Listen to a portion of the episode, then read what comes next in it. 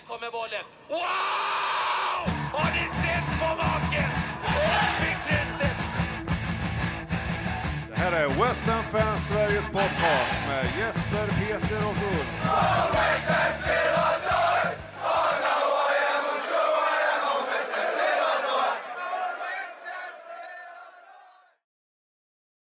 West Ham har i talande stund precis besegrat Freiburg borta med 2-1 och i lördags blev det vinst med 2-0 mot Sheffield United. Härnäst väntar Newcastle på söndag före uppehå- uppehållet. Men vi börjar väl med matchen som nyss avslutats. Vad säger du Peter? Jag tycker att vi, eh, ja, det, det är naturligtvis superstarkt att vinna borta mot, eh, mot eh, det näst starkaste laget i gruppen. Tycker vi inleder på ett väldigt bra sätt. Eh, imponerande hur vi tar tag i, i matchen och att vi sen drar nytta av det och gör ett tidigt mål och är på väg att göra ett eh, andra mål med stolp, stolpskott eller ja, stolpträffen eh, där målvakten gör en räddning. Eh, det, det, ser, det bra ut egentligen hela första halvlek, även om de tar över tar över spelet lite grann så är det ju fullständig kontroll. Ehm, sen får ju matchen en, en, en vändning i paus där vi kanske är lite för nöjda med hur vi har kontrollerat spelet och hur vi har eh, avverkat första halvlek. Och eh, samtidigt som Freiburg ser sin eh, möjlighet att, eh, att eh, sätta prägel på matchen när de naturligtvis vet att vi kommer att, att vara lite mer försiktiga. Och det tog de ju omedelbart chansen och eh, på sin första möjlighet eller sina tre första möjligheter då så satte de, satte de bollen. Men ja, det var. Det var irriterande kan jag tycka. Det gick lite för snabbt och det var lite för enkelt. Eh, alltså sättet de fick bara komma till och göra det där målet. Eh, där de inte har skapat någonting i princip innan det. Sen eh, så har ju de faktiskt matchen en, en ganska god stund och eh, vi, eh, vi, vi, vi jämnar ut det lite grann på en hörna och sätter den och sen tycker jag återigen att vi faktiskt kontrollerar det här på ett, på ett bra sätt. Tycker inte de skapar speciellt mycket efter det. Eh, Medan vi i alla fall har några möjligheter till. Jag tänker på jag tänker på eh, Kudos eh, skott utanför som han nog borde ha fått på mål. Jag tänker på, eh, på Bowens skott som också gick utanför. Som man kanske också borde ha fått på mål och så tänker jag på, på Bowens chans där han bryter in ifrån högerkanten och kanske skulle kunna fått den i det bortre hörnet istället för mitt på målvakten. Men eh, jag, jag, är, jag är nöjd. Resultatet är fantastiskt. Jag är nöjd med spelet och jag tycker att vi eh, gör en väldigt, väldigt bra bortamatch. Mm. Ja, jag är beredd att skriva under på allt du säger och jag skrev faktiskt inför rapporten att det här var tuffaste matchen i, i gruppspelet så att jag är också både nöjd med både resultatet och med, med spelet. Det som ändå jag kan tycka är att vi skulle avgjort matchen i första halvlek för nu blev det ju precis som du är inne på lite obehagligt spännande när Freiburg tog över där i andra och även fick en tidig kvittering. Eh, vad säger du Ruffe? Jo, men det är väl väldigt mycket eh, som, som Peter säger. Jag, jag var lite förvånad första 15-20 minuterna, för jag hade förväntat mig att det här skulle vara ett eh, riktigt starkt tyskt lag, men jag måste nog säga att de, eh, de, var rätt, de var rätt svaga, inte bara i början, utan även när de tar över så, så tycker inte jag att de, de imponerar. De har någon enstaka spelare som är, är bra. Eh, jag, jag gillar inte när vi eh, leder med 1-0 och, och eh, styr spelet, kontrollerar det som du säger Peter. Och att vi någonstans tror att det här är redan klart och så börjar vi bli lite för smånätta. Det är lite för mycket från packet här hela tiden. Är, han gör ju mycket bra, men ibland måste man spela på säkerhet, eller har jag sagt för. Um, ehm, och, och, det blir lite chansningar här och där och då, då släpper vi in dem i matchen och det irriterar mig. Um, och sen så, vi är ju totalt sett det bäst, bättre laget och jag känner ju att eh, i och med den här segern och de andra resultaten i gruppen tidigare så har vi ju faktiskt med någon typ av normalt spel redan säkrat minst andra platsen. Eh, så att det, det, är, det är positivt. Sen, sen vet jag inte vad som har hänt med Fornals. Jag tycker han är så fullständigt usel varenda gång han är med och spelar det här, den här säsongen. Om det, han redan är på väg till, till Spanien i januarifönstret. Kerrer eh, är ju precis så dålig som eh, Peter vill ha honom till emellanåt. Så att eh, han, han, han, han hjälper till att bekräfta det. I övrigt så tycker jag vi gör en, en bra, stabil match. Vi är ju bättre än vad de är, det är inget snack om det. Sen måste jag nog säga att, att jag då till skillnad från alla andra har ju inte sett Kudos innan. Alla andra verkar ju veta precis vilken spelare det är, men han, han är lite annorlunda än vad jag hade föreställt mig. Jag trodde han var mer en, eh, vad heter han i City som kom in och var så bra mot oss, eh, Doku eller någonting liknande. Mm, mm. Men han är ju inte lika snabb framåt. Han är inte lika dribblingsskicklig utan han är ju mer lite avvaktande och så kan han dra en man eller två men det är inte så att han utmanar varje gång. Han spelar gärna tillbaka. Han är, han är inte riktigt vad jag såg framför mig men det kan säkert bli bra. Håller med om att han borde gjort eh, någonting bättre. Eh, och sen kommer Berama in och är precis lika dålig som han har varit hela den här säsongen också. Rör knappt bollen och eh, helt fräsch så förlorar han en, en löpduell som jag tycker att han borde vinna nio gånger av tio ifall han är det minsta sugen och, och inspirerad. Det viktiga resultatet här. Och, och, vi gör återigen mål på en hörna. Eh, Wall Prowse hade jag ju en god vän som tippade att han skulle ha minst 15 assist eller mål i år. Och, och eh, eh, jag kan säga att om han håller sig frisk hela året så kommer 15 inte räcka eh, långt när. Så att det är, väl, det är väl där jag hamnar någonstans. Kan lite grann relatera tillbaka till vad vi ska säga om Sheffield United sen också. Men, eh, men fantastiskt fin seger. Mm. Ja, precis. Vi kan faktiskt knyta ihop det här med att jag antar att du syftade där på att dels att Freiburg började med att slå Olympiakos borta och att nu ikväll Olympiakos och Barska Topola kryssade så att vi har fått ett rejält försprång redan här. Ja, precis. Exakt. Ja, till den här spelarkritiken så, som du hade eller spelarobservationerna som eh, eh, alltså Kerer som vänsterback. Det experimentet borde ju vara avslutat nu, va? Ja, tack. Eh, han eh, senast han, han spelade på den positionen så gjorde han ju den sämsta matchen en professionell fotbollsspelare har gjort i modern tid. Ehm, jag kommer inte ihåg vilka vi mötte då, men eh, det var ju fullständig katastrof. Det var inte på den nivån idag, men eh, eller ikväll, men eh, det var ju heller inte bra.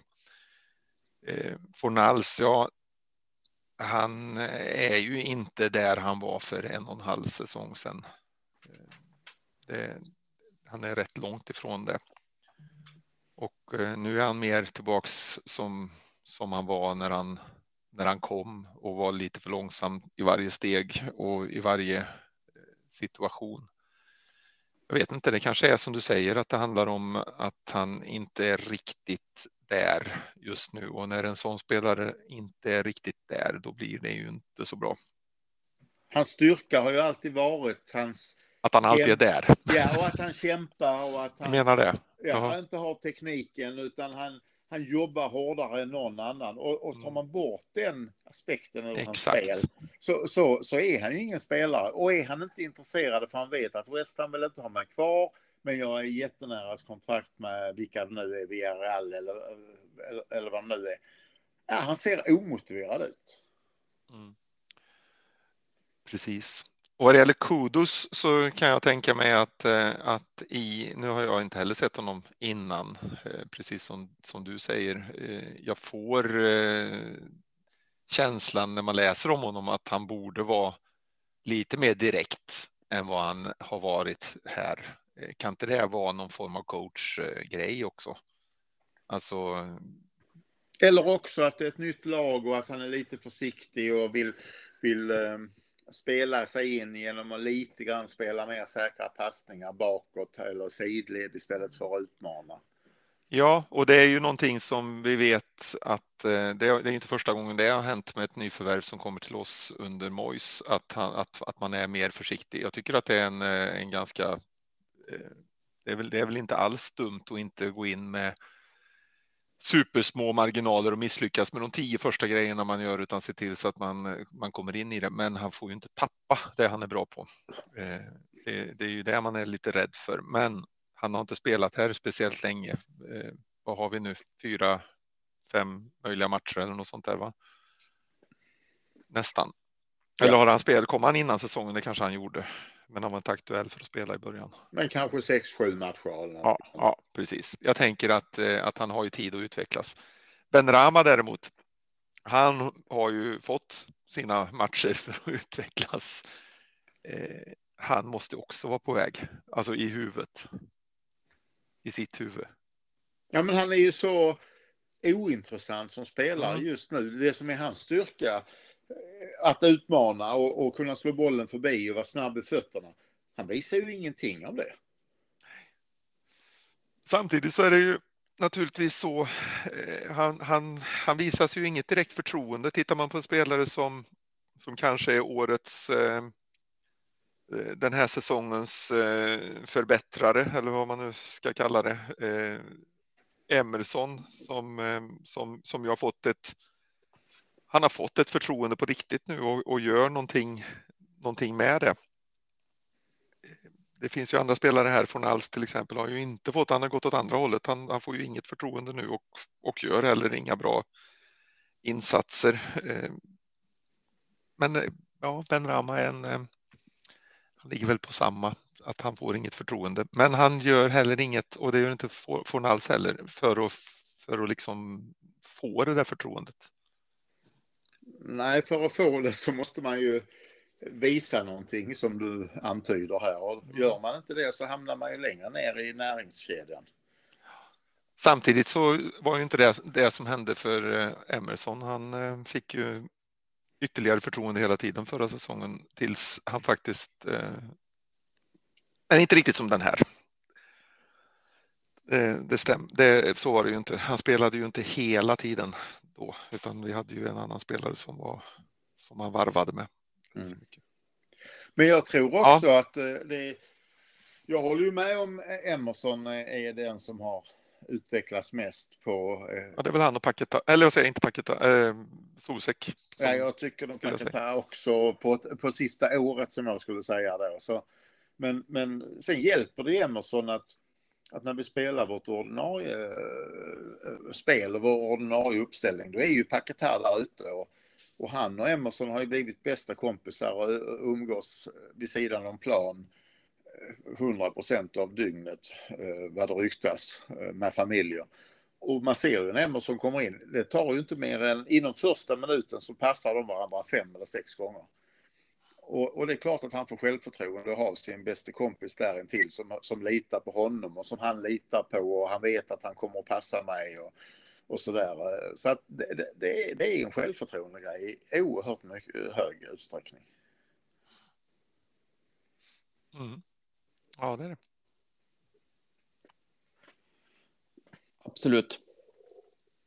Eh, är det något mer ni vill tillägga om den här matchen eller ska vi gå in och prata lite om eh, lördagens eh, ligamatch? Alltså vi ska ju göra fler mål än vad vi gör. Ja.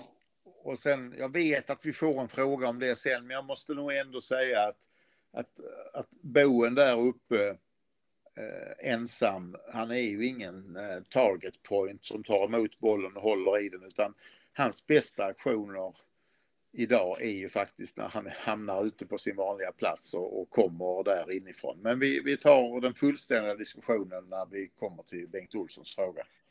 Ja, precis. Så den, den eh, rör ju inte riktigt det jag ska säga, har jag inte för mig i alla fall. Men eh, eh, det känns ju inte som att vi spelar med någon anfallare idag. Det känns ju som att vi spelar med falska anfallare fast att vi har flera stycken som, eh, som alternerar. Det var ju lika ofta ut, Bowen var ju lika ofta ute till höger som, som um, Kudos var. Och, ja, och Kudos och Paketa bytte plats ibland. Och, också, mm, precis. Ja. Så att det kändes som att vi, vi hade ingen anfallare och då var det ju väldigt, det kan man ju komma då till, det var ju fint att se när vi avslutar matchen med två anfallare plötsligt.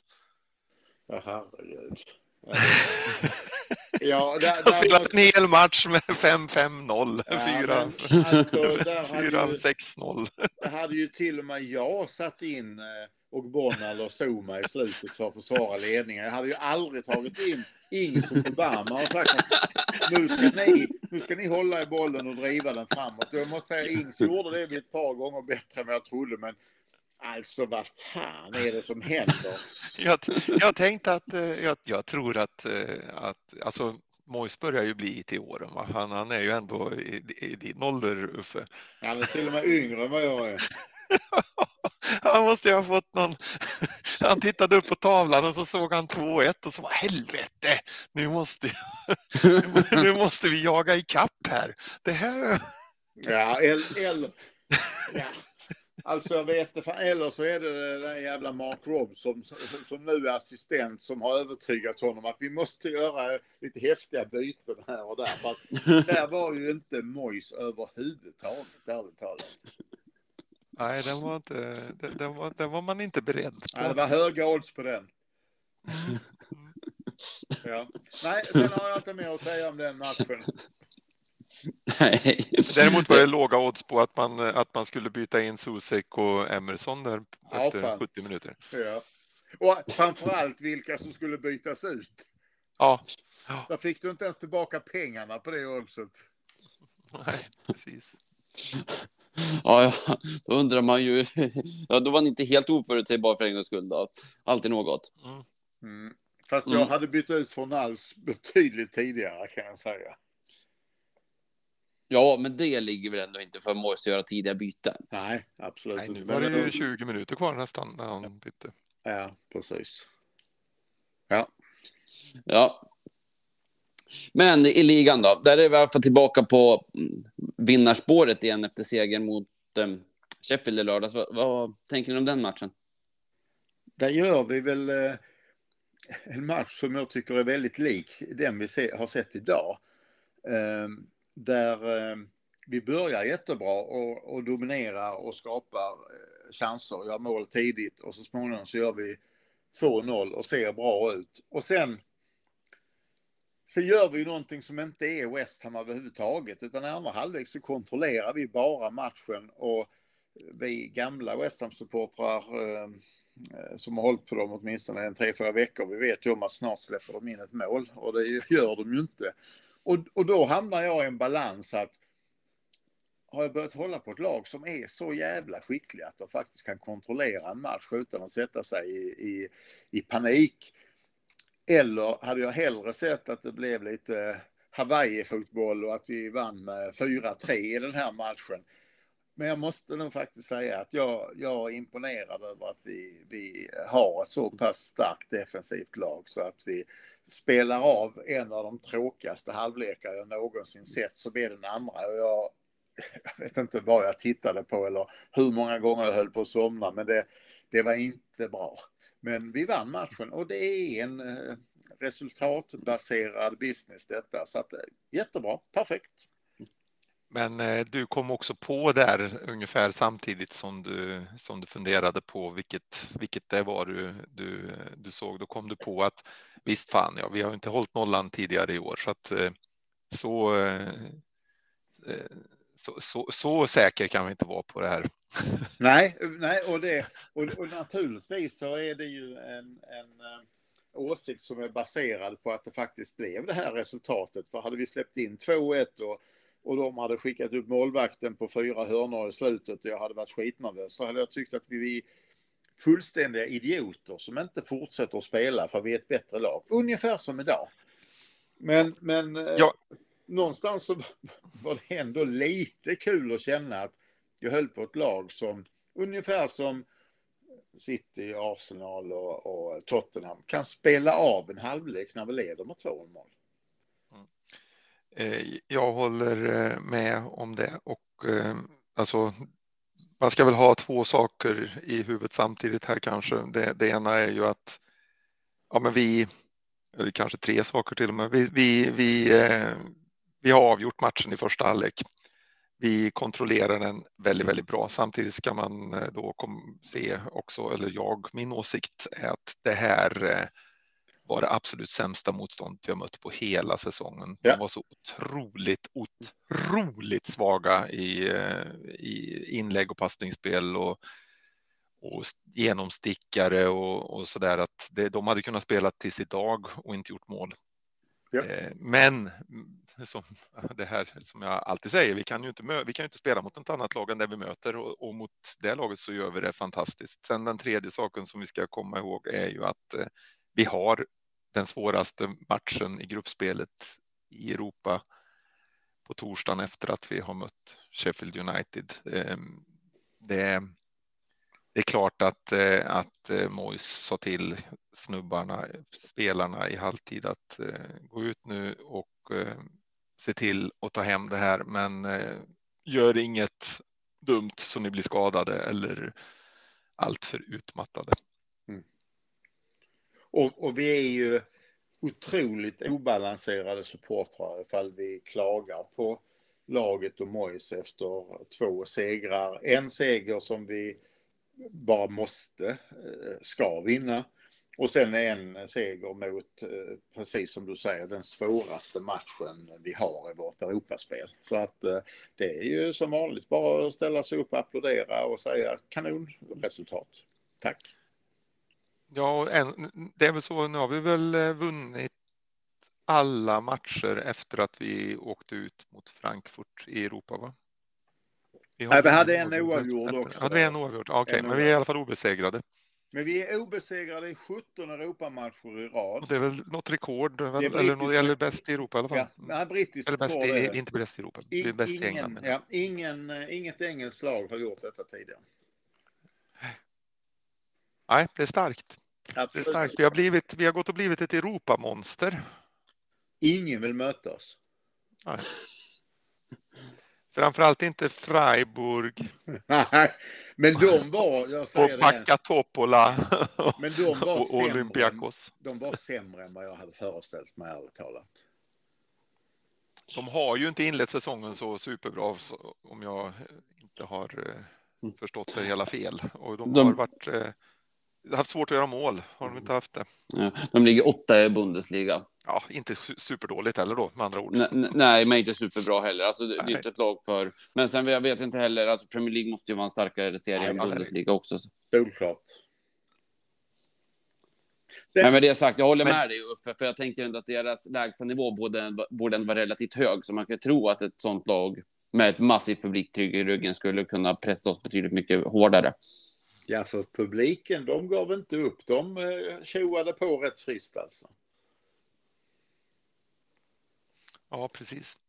Men eh, åter till Sheffield United-matchen där så tycker jag att vi, eh, vi, vi vinner den ju fullständigt rättvist. Vi kontrollerar den från start till mål. Vi gör exakt det som vi ska göra i den matchen och har kvar krafter för att spela för att, för att slå Freiburg idag. Det var, ja, Mm. kunde inte ha blivit bättre på det. Verkligen inte. Nej, alltså, och det är sådana där segrar som den mot Sheffield och även den som idag som faktiskt är värda så otroligt mycket, för man kan inte alltid vara på topp och då gäller det att få resultaten med sig. Mm. Mm, men för att blicka framåt då, har vi resultaten Vi har- på söndag tror ni? Vi Eller har säger Lincoln du, kvar också va? Lincoln? Ja, det har vi. Vi slog ut dem i kuppen. Mm, det såg vi ju inte kanske så mycket av, men eh, jag följde den på delvis på, sån- på sån här ticker på, där man kunde se hur, hur eh, spelet flöt fram och tillbaka och passningarna gick mellan spelarna och det, såg, det var tråkigt. Det var ett tråkigt sätt att följa fotboll på. Jag är glad att de flesta matcher visas på, Du, är, är, är du säker på att den eh, överhuvudtaget visade korrekta bilder och inte bara hitta på någonting? Ja, den brukar visa korrekt. Ja, ja, men då så. Ja. Jag, hade, jag har följt några matcher så här, så står det så här farligt anfall så fort bollen är inne på offensiv planhalva. Ja, nej, så stod det inte. Det, var, det, var, det, det hade varit väldigt, väldigt trevligt om det hade stått så, för det hade gjort det mer spännande. Men, Men men, var om, om, eftersom ingen såg den här matchen av oss, utan vi bara sett highlights och, och resultatet, så är inte det ytterligare en match då som, som beskriver lite grann det vad vi har berömt Moyes och West Ham för nu? Att det här är en match som vi kanske hade åkt dit på eh, för ett antal säsonger sedan. Fabianski gör en kanonräddning, de får ett mål bortdömt. Men i slutändan så är vi starkare och, och eh, Zuzek slår in en boll. Och tittar man på highlights på, på West Hams sida som naturligtvis är klippt på deras sätt så ser det ut som vi har en hel del chanser ändå. Och vi ska bara vinna med 1-0 och åka därifrån med ett leende. Vi behöver inte göra mer än så. Nej, och vi har väl i princip eh, i, i princip. Ja, vad hade vi? Hade vi någon som var? Ja, Susek. Susek är den enda som eh, spelade den matchen som eh, skulle ha startat eller så i de andra matcherna i Premier League innan. Så mm. att det var ju, vi vilade ju, det var ju en klar B-uppställning vi hade. Ja, och vi gör jobbet. Vi kan inte begära mer, det är bara att applådera. Det här har vi varit dåliga på i många, många år tillbaka. Mm. Ja, precis. Och nu blir det ju desto tuffare i nästa omgång. Då. Ja, det är typiskt. Ja, det Men det är tillräckligt de... tidigt för att det ska vara ointressant ja. för eh, Arsenal. De kommer att rotera. De ligger risigt på det i Champions League redan här nu. Ehm, med förlusten i, i går eller förrgår när det var. Och, um, så att uh, de kommer ju inte att spela sitt bästa lag. Så det här är inte en match som är uppgiven bara för att det är Arsenal. Nej, verkligen Nej. inte. Och eh, hemma och under eh, i, i elljuset. Eh, det, det blir eh, en mitt i veckan match. Det, det kommer att bli fantastiskt då där. Ja. Sen hade det naturligtvis varit skönare om vi hade haft eh, eh, Mansfield hemma. Men nu blev det som det blev och det viktiga för mig var att det var hemmaplan. Ja, och betydligt bättre att få dem i den här omgången än att få dem i, i eh, kvartsfinalen eller semifinalen. Ja, absolut. Där, där det för, även för dem hade börjat bli intressant. Ja, precis. Ja, och den här matchen skulle vi i alla fall inte behöva vara oroliga för att inte kunna se i alla fall. Nej, det kan vi nog vara helt säkra på. ah, bara fördel med andra ord. Ja, ja precis. ja, nej, men det är väl trevligt. Alltså, det, det, det är väl kul att få ett litet derby sådär. Få, få chansen att knäppa dem på näsan. Ja. Ja.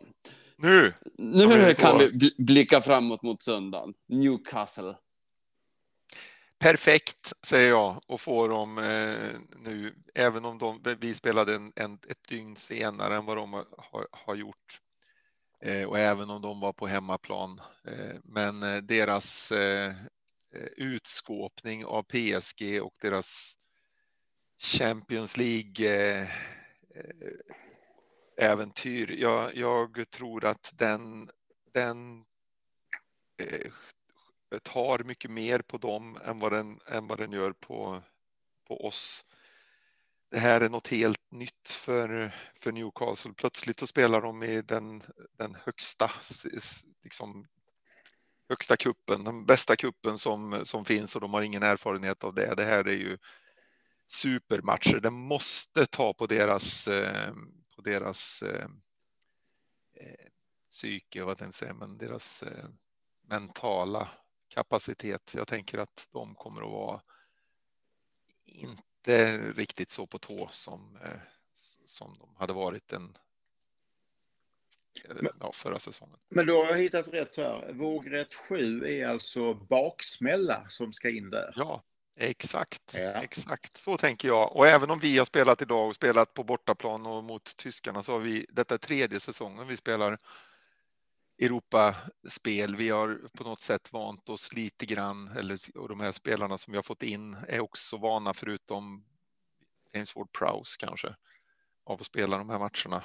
Eh, jag, jag tänker att det är en fördel för oss. Sen kanske vi får stryk ändå. Men... Jag, jag tror att du har en poäng. Sen, sen blev jag lite trött på det där jag läste för någon dag sedan. Det står att oj, Newcastle har fem nyckelspelare skadade och eh, Dessutom, förutom det, Callum Wilson som alltid gör mål mot West Ham. Och sen ser jag att en av de spelarna som var skadade då och skulle vara borta mot West Ham, det var Anthony Gordon som startade mot PSG. Så att jag, jag blev så trött på, på eh, alla de här rapporterna. Så att vi, vi får se. Men Bottman ska väl vara borta och Callum Wilson får gärna vara borta för mig också kan jag säga. Ja, det får han gärna vara. Ja. Det gör ingenting det. Men jag tror att vi har en bra chans. Newcastle har ju inte, förutom eh, säsongstarten mot Aston Villa där, som de väl vann med 4-1, så har de ju inte imponerat lika mycket som i, i fjol, utan tagit en del bra 1-0 och 2-0 segrar eh, här som mot Brentford förra, förra veckan. Men också åkt dit några gånger så att jag, jag, jag ser att vi har en bra chans att ta en seger här, inte minst utifrån ditt resonemang här Peter. Perfekt. Ja. Det vore väl jättetrevligt det. Och det är som du säger, nu har de ju tre raka segrar förvisso, men det är ju mot Brentford, det är mot Sheffield United, det är mot Burnley så att säga. Före dess förlorade de mot Brighton och jag vill minnas att de var rätt utspelade i den matchen och förlorade med Liverpool trots att de var en man mer eh, ja, över halva matchen så att säga. Så att eh, de är ju lite skärrade Ja. och det här borde ju också tära på dem, den här urladdningen som Peter var inne på häromdagen. Precis. Ja, samtidigt så är det klart, de har eh, de vann med 1-0 mot Brentford, de spelade 0-0 mot Milan borta, de vann mot Sheffield United borta med 8-0. De vann i kuppen mot, mot Manchester City med 1-0. Nej, Vann men mot fan. Burnley med nej, vi 2-0. förlorar. Jag ändrat mig. och vann mot PSG med 4-1 så att ganska bra form på slutet. Men jag tänker ändå någonstans att eh, det, det finns, det finns alla möjligheter. Vi ligger före dem i tabellen. Det måste ju ändå säga någonting och vi har hemmaplan.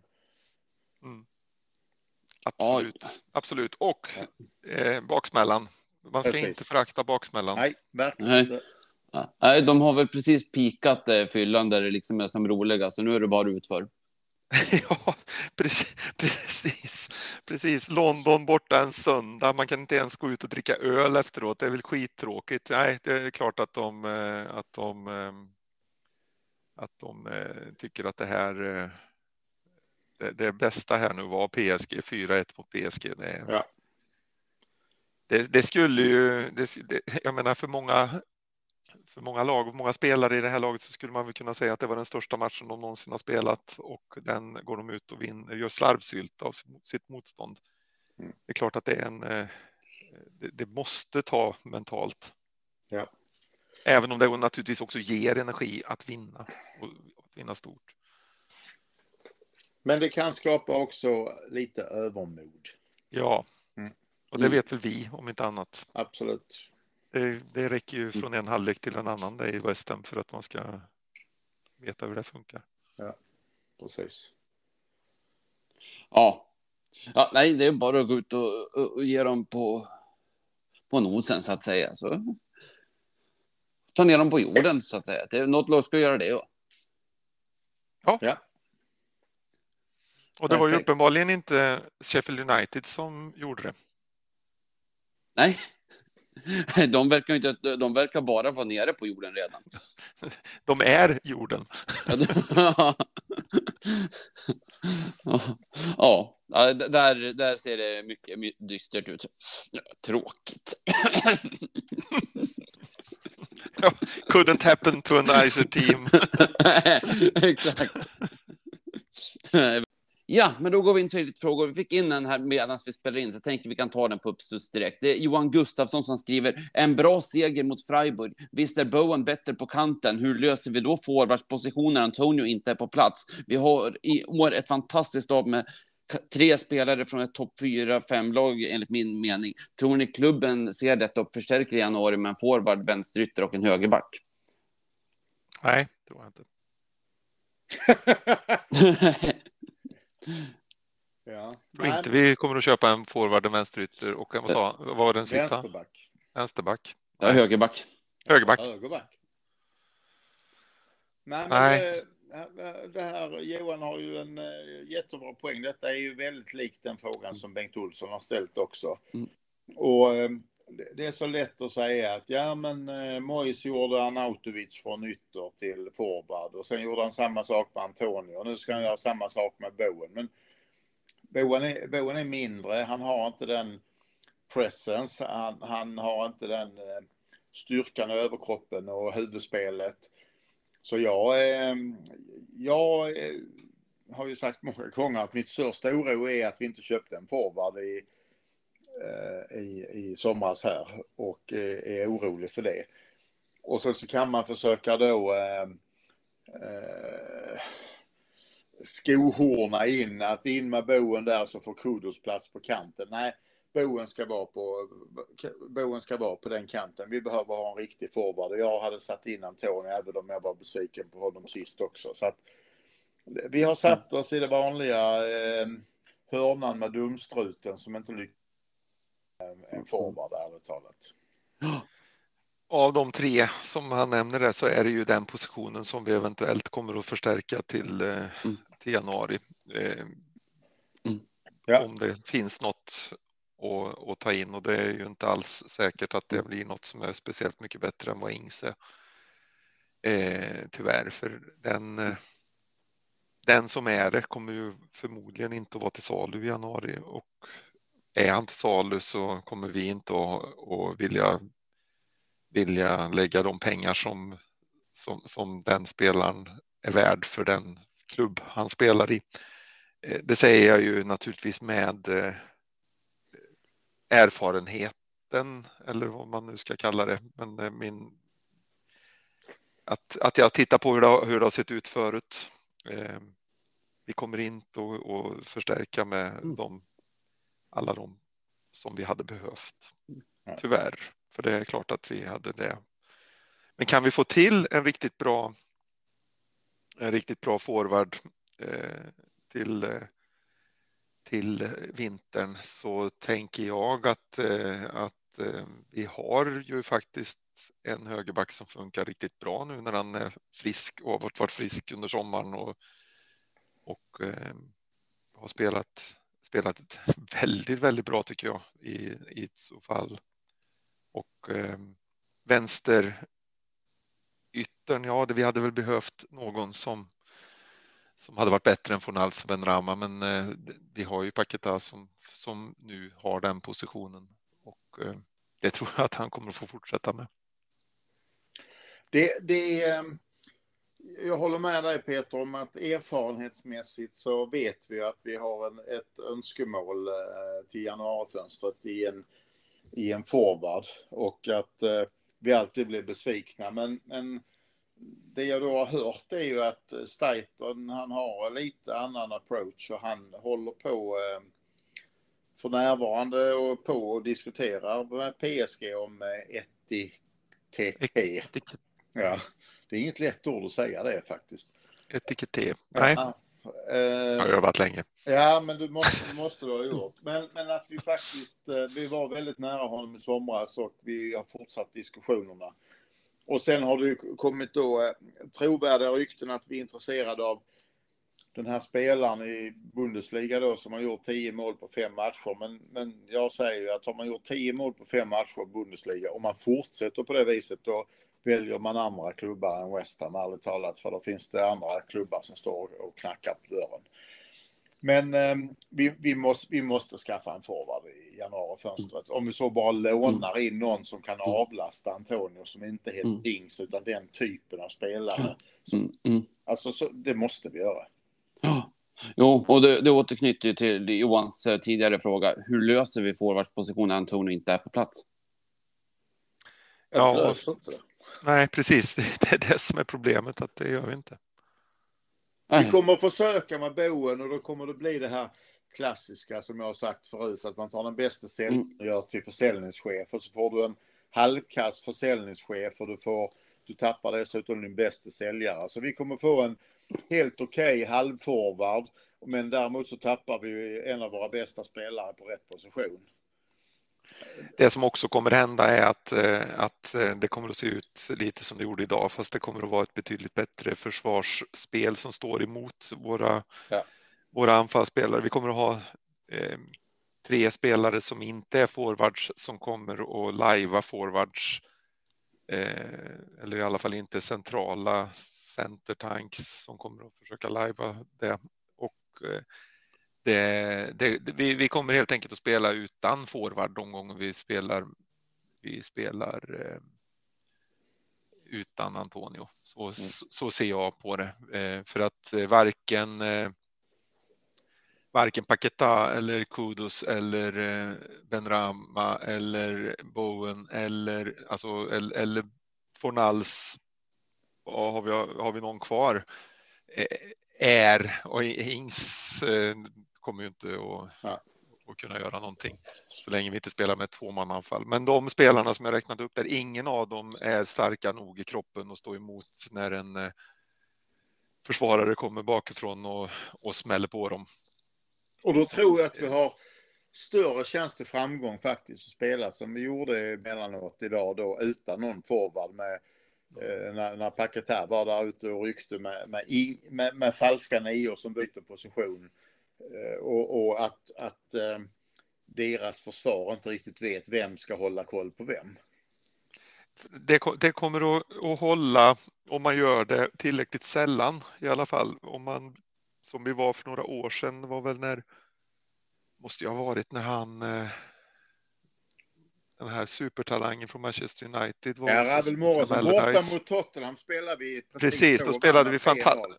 Precis, precis. Och sen försökte, försökte Moy, eller Allardyce. försökte Allardyce göra likadant i några matcher till och då var vi ju sönderlästa. Ja. För då, hade vi ing, då, då blev det för, för, för lätt för dem helt enkelt. Det blev som att det blev som man spelade det här pingpongspelet på, på datorn på 80-talet. Det här ni vet när man skulle bara ha en liten sköld längst ner på och så låta bollen studsa emot det så kunde man göra mål på andra sidan. Det, det blev lite, lite så. De ställde upp en vägg och så kom vi liksom inte igenom. Det bara studsade mot den här försvarsväggen som och, och, du har en, och du har en jättepoäng med överraskningsmomentet. Och då vill jag faktiskt få flytta tillbaka till FA-cupfinalen 1980 där, där eh, vi normalt sett spelade 4-4-2 alltid men John Lyle valde att plocka ner eh, eh, Stuart Pearson på mittfältet istället. Och Arsenal hade det fantastiska mittförsvaret med David O'Leary och Willie Young och tio minuter in i matchen så sprang ju David O'Leary ut till deras manager och sa vi har ingen att markera mer än David Cross. Hur ska vi göra? Och det var ju ett av de genidragen som gjorde att West Ham vann den här matchen till slut. Mm. Men det var ju för att vi, vi hade förmodligen inte spelat så någon gång tidigare under hela säsongen. Mm. Ja, precis. För det var ju Stuart Pearson, den lille forwarden som vi hade bredvid den store David Cross. Ursäkta historielektionen. Nej, den där var fantastisk. Sånt där, sånt där älskar man ju höra. Alltså... Jag läste faktiskt en bok om det för nu i slutet på sommaren. Det, den, den var intressant. 80, finalen 80 någonting. Eh, heter den. Handlade om alla matcherna som fram till. Men då kände du igen det jag berättade nu? Ja. Japp. Japp. Japp. Bra. Ja, det gjorde inte jag, så för mig var det där nytt och väldigt intressant. Mm, det var ju intressant för mig med, men det var inte riktigt lika nytt som för dig. Okej, okay. kan jag be Hade jag varit lite teknisk nu eller en livesänt eller så där, man kan ha sagt. Ni lyssnare kände igen det här, hit the like, så att, eh, då får vi se hur många som gjorde det. Precis, den hette Hammers 80s, Revisiting mm. a West Ham Season to Remember ja, av det... Norman Giller och eh, en Terry Baker. Ja, fantastisk bok. Ja, verkligen. verkligen. Mm. Fick vi lyfta den också? Även perfekt, mm. underbart. Ja. Eh, men eh, tidigare resonemanget i alla fall om bonus, det för oss ju in på det som du var inne på tidigare, för nämligen Bengt Olssons fråga. Han har flera frågor, men just eh, vi kan ta det här på en gång när vi diskuterar det. Eh, vet att ni diskuterat innan kring att flytta in Bowen centralt och Kudus till höger med risken att tappa Bowens styrkor i vissa delar. Men det Kudus visar ihop med Bowens superform är det ändå inte ett bättre alternativ totalt sett offensivt när Antonio inte får ordning på sina fötter. Eller tappar vi för mycket med Antonio på bänken med tanke på honom som targetpunkt och det han skapar skapar utan boll.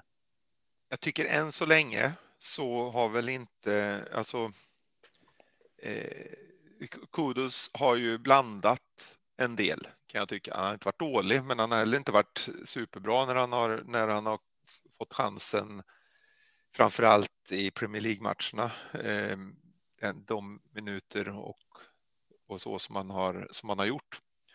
Eh, jag tycker att eh, det, jag tycker det är rätt av Mois att skynda långsamt. Eh, jag tror att vi tappar väldigt mycket om inte, om inte Antonio är där och stångas med sin med den tyngd han har utifrån, utifrån det resonemang som vi hade förut här som också hade så, så tror jag det, att vi tappar för mycket på att inte ha en riktig forward. Sen tror jag att i matcher här och där eh, med överraskningsmoment och så vidare. Absolut. Men, eh, men, men han är inte så stark än. Nej, Anto, Antonio är ju, är ju faktiskt nyckeln i vårt spel mer än någon annan spelare skulle jag säga. Ehm, just utifrån den styrkan och, och förmågan att ta emot bollen. Jag tyckte han var skitkast mot Sheffield United, men det är ju fortfarande han som spelar fram Zuzek till 2-0 eh, målet och, och därmed eh, får en eh, poäng i statistiken igen. Så att jag, jag är, är inte i närheten av att sätta Antonio på bänken här och nu. Ärligt talat. Nej, inte när han är tillgänglig. Och det blir nästa, vet vi status, alltså var det en försiktighetsåtgärd som gjorde att han inte spelade ikväll? Försiktighetsåtgärd utan att det på något vis är en, ett löfte om att han spelar. Nej, men då kan vi i alla fall hoppas att det inte är något allvarligt i alla fall då. Ja, nej. För, nej, för jag håller med dig, han ska spela när han är tillgänglig. Men det, det läskiga är ju att vi vet ju inte hur ofta han kommer att vara det. Precis, är han inte tillgänglig, är han skadad, vilket han ju faktiskt inte har varit de senaste säsongerna, så eh, det var han ju ofta före det. Men eh, de senaste två mm. säsongerna i alla fall har han ju varit extremt lite skadad. Mm. mm. Men eh, om han skulle vara borta en längre tid, ja, då måste vi lösa det på något sätt. Men jag tror att vi löser det och blir ett sämre lag mm. av det i alla fall om vi skulle behöva göra det under en längre period. Inte kanske om vi i liksom den enskilda matchen, en match här och där, men säg att han skulle vara borta fem matcher. Ja, det tror jag inte alls hade varit bra. Ja. Nej, det är riktigt. Eh, Bengt har fler tankar. Eh, ser en positiv utmaning i att vi har konkurrens på riktigt i år. Zuzek har övertygat igen och trivs, men det gör det också utmanande i att få in alla mittfältare anfallare man vill ha på planen. Ska vi fortsätta ställa upp laget som mot Sheffield eller ska vi få in Kudus från start, tycker ni? I så fall på vems bekostnad? Nej, vi ska... Alltså, vi kan, vi kan inte peta Zuzek. Vi kan inte peta Paketa. Vi kan inte peta James Ward-Prowse. Så att på, på um, ingens bekostnad så platsar inte Kudus. Sen tycker jag ju, min personliga uppfattning är att det kan inte vara så jävla stor skillnad att spela eh, till höger pytten eller vänster pytten, särskilt om du är högerfotad. Utan... Fråga, fråga Kerr. Ja, ja jo, men nu var ytter på backen. Men, men Kudus måste vi kunna använda när vi behöver jaga i slutet och äh, använda även på, på vänsterkanten. Och, och då finns det folk vi kan plocka ut. Men nu glömde jag Alvarez, han kan inte heller peta. Så att nej, Kudos eh, är inte i närheten av startelvan här och nu. Jag skulle vilja ta diskussionen kring hur brett eh, och hur, hur bred den här truppen egentligen är. Hur många spelare som är bland de här 24 som vi egentligen inte skulle vilja spela. Jag tycker inte den är superbred. Den är väldigt bred, alltså den är, den är starkare än normalt i de Eh, som spelar på planen och de närmaste avbytarna. Men vi har rätt många som inte som inte har någon, någon, eh, någon ordentlig, någon ordentlig vad heter det, konkurrent. Eh, jag tänker Emerson. Cresswell börjar bli för gammal för det här. Jag tänker vänster yttermittfält. Vi, vi skohornar in Paketa där. Eh, vi vill inte att Benrahma spelar, vi vill inte att Corné spelar, vi vill inte att Fornal spelar, i alla fall inte som de ser ut just nu. På topp har vi Antonio. Vi vill inte att Ing spelar, Mobama är för vek. Eh, till höger, ja, där har vi ju Bowen och Kudos som vi har pratat om nu. Eh, mitten, ja, vi har de fyra som har spelat, men de andra vill vi ju inte ska spela. Alltså, så, vi har Susek, Alvarez, Ward Prowse och Paketa. Vi vill inte att Fornal spelar. Nu kommer han igen. Vi vill inte att Coventry går in. Ehm. Men man kan ju även, även se det på ett lite... Har bara Sofall på högerbacken. Eh, Ja, men, men eh, vi har ju haft lite olika åsikter om detta förut Peter, för jag håller med Bengt om att jag tycker vår bänk är starkare än vad jag kan komma ihåg att vi någonsin har haft. Och, och, och- och jag skulle snarare dra resonemanget inte utifrån vi vill inte att de här spelar, utan utifrån att de som sitter på bänken är faktiskt spelare som kan, kan gå in och göra ett jobb. För jag tycker att vi under många, många år har haft spelare, eh, inte som vi vill ska spela, men vi vet att de, de kan inte ens komma in och göra ett jobb för att antingen är de reservmålvakter eller så är de ungdomar som inte har i närheten av, av eh, att ha spelat Premier League-matcher. Så jag, jag, jag tycker vi har en stark bänk. Men det är Det klart tycker vi jag har, också på vissa positioner, men vi har ingen som kan byta av på innermittfältet när vi spelar alla fyra redan. Eh, vi har ju ingen som vi vill ha som byter av på vänster yttermittfältet där vi då har en innermittfältare som spelar. Det, den, det draget vi gör är att sätta in en, in, en vänster yttermittfältare som vi inte vill ska spela. Som inte Ja, är han är tillräckligt bra. fortfarande vi, som inte är tillräckligt bra och så spelar vi då han som spelade på vänster yttermittfältet som innermittfältare istället.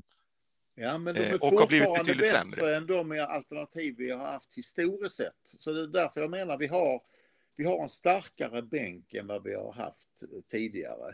För att det här är spelare ändå Mm. med erfarenhet av Premier League och som har lyckats under perioder eller enskilda matcher. Och, det, det är vi inte bortskämda med. Nej, men ska vi nöja oss med det då? Ska vi tycka att det är bra? Att att det är, Ja, nej, men om det är bättre än det vi haft innan så måste vi ändå säga att det är bättre. För att du sa själv tidigare att nej, vi kommer inte få in en forward och en vänsterback Mm. eller högerback och det och det. Men är truppen så satans stark då menar jag? Jag tycker inte att truppen är så stark. Vi har ett gäng spelare som är starka och vi har några på bänken som, som, är, som är rätt så okej och någon som kan bli riktigt bra. Ja, jag Men, har... men eh, jag, jag tycker fortfarande att vi har en trupp som, är, som, är, eh, som har klara brister. Ja, men, men det kommer vi alltid att tycka och det tycker säkert Manchester Citys fans också. Men, men jag, jag säger fortfarande att om vi har en starkare trupp eh, och en starkare bänk än vad jag eh, någonsin kan komma ihåg så har vi ju tagit ett steg i rätt riktning. Eh, det hade vi för några säsonger sedan också. I, i februari så stod vi ändå med en bänk som hade sex juniorer. Och, så Ja, det, nej, det, ja, det, nej, jag, jag håller ju ofta med. där. Jag, jag, tyck, jag tycker att vi, vi har tagit ett steg i, i rätt riktning. Ja, vi har tagit ett steg i rätt riktning, men jag tycker steget är för kort. Och jag tycker fortfarande att vi har brister. Jag säger inte att vi, att vi skulle vara sämre än förra året och vi, vi är bättre, men vi har inte tagit tillräckligt stora steg tycker jag.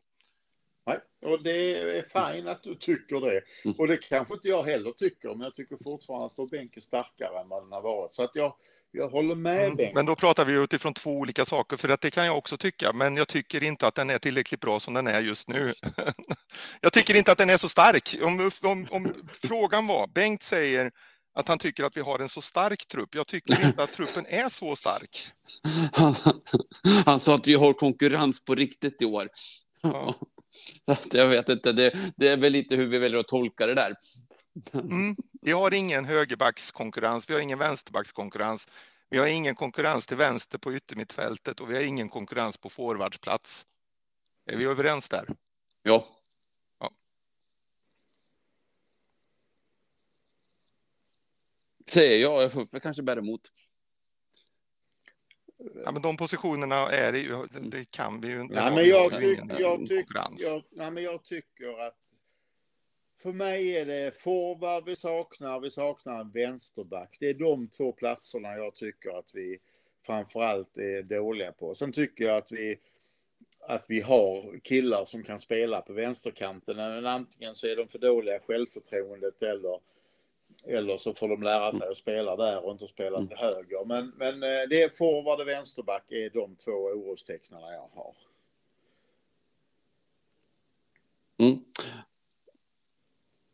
Ja, ja, jag tycker framförallt forwardspositionen är riktigt oroväckande. Men det har vi diskuterat tillräckligt. Eh, är vi redo att gå vidare? Jajamän. Härligt, jag gillar den, jag gillar den det är eh, frejdigt. Eh, ja, men då passar ju bra för att Anders Elleman också är inne på Bowen. Och det får vi väl säga, alltså Bowen har ju varit riktigt jäkla vass här och det är inte utan anledning som har blivit uttagen i engelska landslaget nu. Eh, men Anders Elleman skriver, nu när Bowen startar säsongen så bra, till skillnad mot förra säsongen, tror ni att andra klubbar kommer försöka köpa honom i januari eller kanske till sommaren? Ja, det är, Liverpool har redan eh, varit ryckt i honom eh, utifrån att de tror att Salah försvinner eh, till sommaren senast. Eh, så att det är ju därför vi är i diskussioner igen med en spelare om att ge honom eh, ett, ett, ett, ett nytt och bättre kontrakt och Boens krav är att han vill vara en av de bäst betalda spelare, spelarna i truppen och det är han inte idag. Och jag tycker att eh, dividera inte, bara ge honom kontraktet innan han får andra tankar i huvudet och försvinner. Jag tänker att, eh, att eh, de tankarna har han säkert börjat få redan för eh, det, annars hade vi haft ett kontrakt klart. Det kan ju inte vara så att de tänker vi ska inte, han ska inte vara en av våra bäst betalda spelare för då är det ju fullständig fullständig eh, misshandling av eh, truppen och planeringen inför framtiden. Han har kontrakt till 2025. Det är ju bara en säsong till efter den. Ja, precis. Så därför är det bråttom Ja, att göra det nu. Och han, utifrån vad jag hör så älskar Bowen att spela i West Ham. Han älskar West Ham, men det gjorde Rice också. Så att eh, för fan se till att fixa detta nu innan eh, Ja. de andra eh, de andra vargarna börjar se ett byte framför sig. Ja, definitivt. jag håller helt med. Ja, tveklöst. Tveklöst. Jätte, jätteviktigt. Eh, vi har faktiskt redan kommit fram till sista frågan. Det är Pelle Olsson som skriver, tränar Lingard fortfarande med laget? Har ni någon koll på om han har fått kontraktsförslag? Hur ser ni på ett kontrakt med honom i dagens läge? Ja, det kan jag svara på.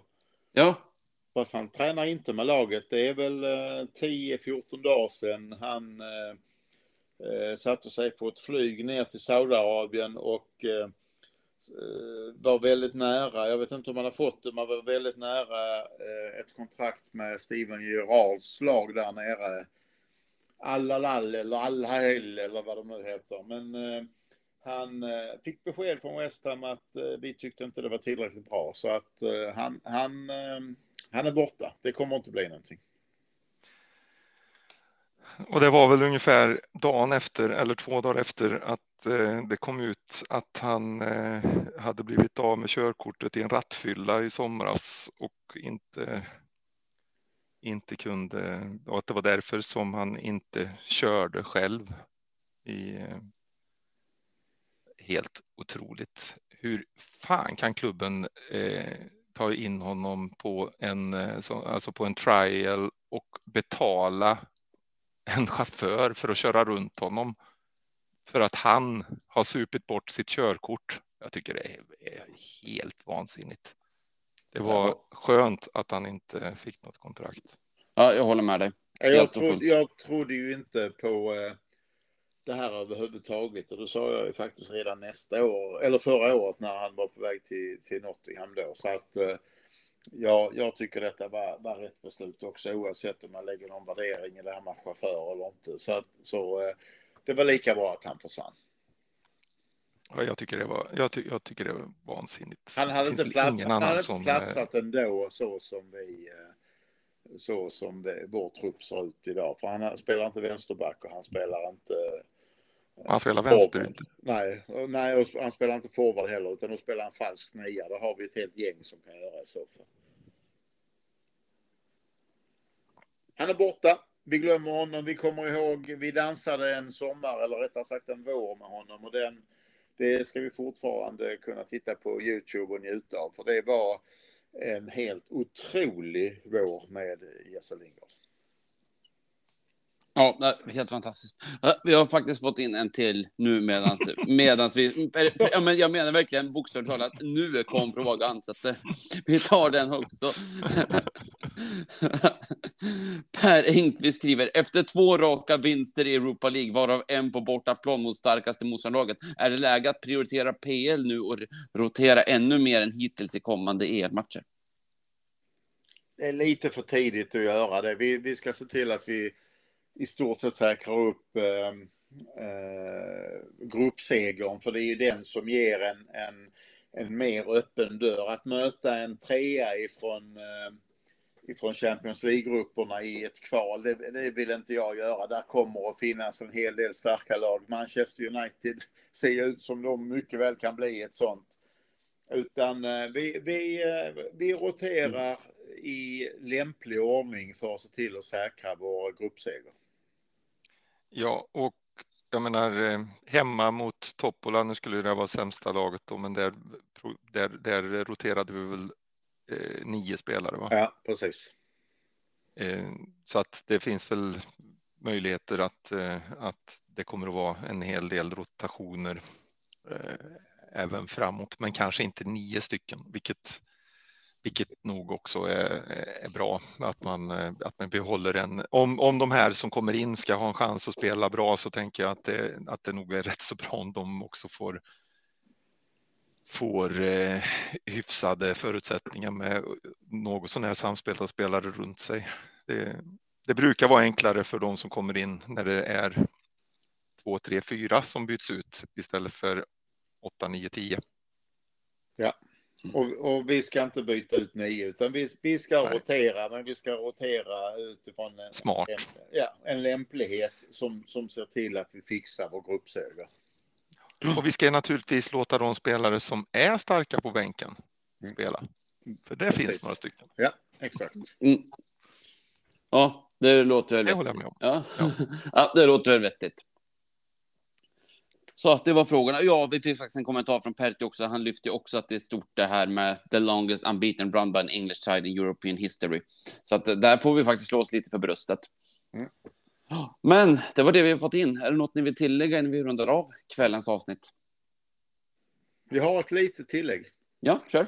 Vi har ju haft eh, två eh, här de senaste månaderna eller två, eh, två extra avsnitt med, eh, med lite gäster. Två engelska författare och eh, som en liten, eh, liten, vad ska man kalla det, en liten eh, eh, överraskning framåt utan att avslöja den, så kan jag säga att vi nästa vecka så kommer vi släppa två avsnitt. För då har vi en gäst också och då är det faktiskt en oerhört känd svensk som vi har som eh, gäst. Så där ska ni vara på hugget och se vem det kan vara. Vem där? Mm. På 10 poäng. precis. precis. Nej, men det passar ju bra också nu när det är ett sånt där deppigt landslagsuppehåll. Ja, exakt. Ja, precis. Mm. precis. Ja, det, det blir roligt. Och sen så är det väl en ny tävling på Ny tipstävling startar på söndag. Först ska vi säga att ny, äh, gamla tipstävlingen kommer, där kommer resultatet till helgen förmodligen på söndag. Och så startar nya tävlingen i samband med matchen mot Newcastle på söndag. Och varar då till eh, 30 november. Så att eh, det vill ni inte missa. Mm. Sen kan vi faktiskt säga att eh, vi är ju bara omkring en månad bort till nästa medlemsresa där vi är eh, 25-26 man anmälda och eh, håller på att knyta ihop de sista tåtarna inför en faktiskt eh, enormt trevlig och händelserik resa. Så att ni som missar det får faktiskt skylla själva och vänta till nästa år. Mm. Ja, det kommer att bli kul. Det kommer att bli jätteskoj. Ja, trevligt. Säger han som inte ska med. Ja, jag vet. Jag kände mig lite träffad där faktiskt. Men det är inte för att jag inte tycker det är trevligt, det vet du också Peter. Du behöver inte vrida om kniven här. Ännu djupare. Nej, nej, men eh, jag räknar med att få lite bilder av er i alla fall. Ja, nej, det ska bli kul. Två matcher. Tre matcher, men två matcher med West Ham. Och mycket annat skoj. Mm. Ja, ja, ja, grymt kul. Så, ska vi låta det bli slutordet då? Det gör vi. Då säger vi det så. Då tackar vi så mycket för den här veckan. Så blickar vi framåt mot Newcastle på söndag. Så säger vi come on you Lions and we forever be blowing bubbles. Stanna med där ute. Vi hörs igen. Hej då! Hej då! Hej då!